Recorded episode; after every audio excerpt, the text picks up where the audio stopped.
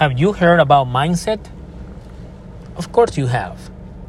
But not too many people tell you how or what type of mindset you should adopt. In this episode, I'm going to tell you what specific mindset you can adopt and what to do to get it. Welcome to a new episode of the Freddy Guevara Talks podcast. I'm your host, Freddy Guevara, or for short, Freddy G. Well, business mindset. Listen, this is important. I'm going to offer you the possibility to adopt a business mindset. There are people talking about mindset, but they don't tell you exactly what type of mindset you should adopt for your life and professional. Now, business mindset. A person that develops a business mindset think of value. They offer value. Value to their employers, value to their customers, value to their family. They offer value, they develop value. And that's why they get rewarded and promoted wherever they work.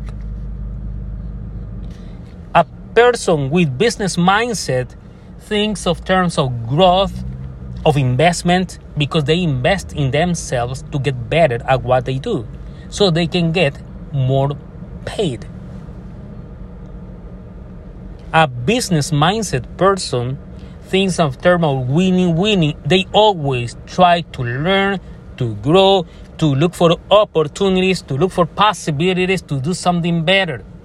Those are the people that get promoted at any work to management, to leadership positions. So, if you want to improve your life, your personal and professional life, adopt a business mindset. Think of terms of investment and return for your investment. Think about risk and reward. Think of opportunities, possibilities, and think of growth. But how can you adopt it?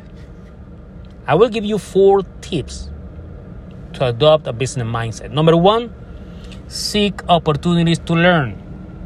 A person with business mindset always look and seek opportunities to learn to develop themselves because learning means growth.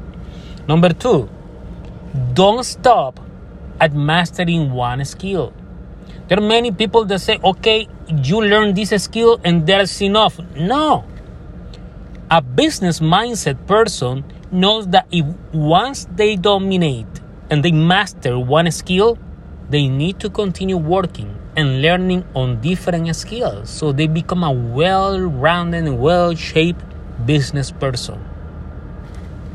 Number three, don't apologize for poor decisions. Everybody makes mistakes. A person with a business mindset knows that making mistakes is part of the process. The only problem is when you make the same mistake twice or three times. You can make mistakes, you learn from those mistakes, and you improve. You look for improvements, you improve your life, you improve your job, you improve your skills. But I'm telling you right now, we're going to make mistakes every day. Okay? So don't apologize for making poor decisions.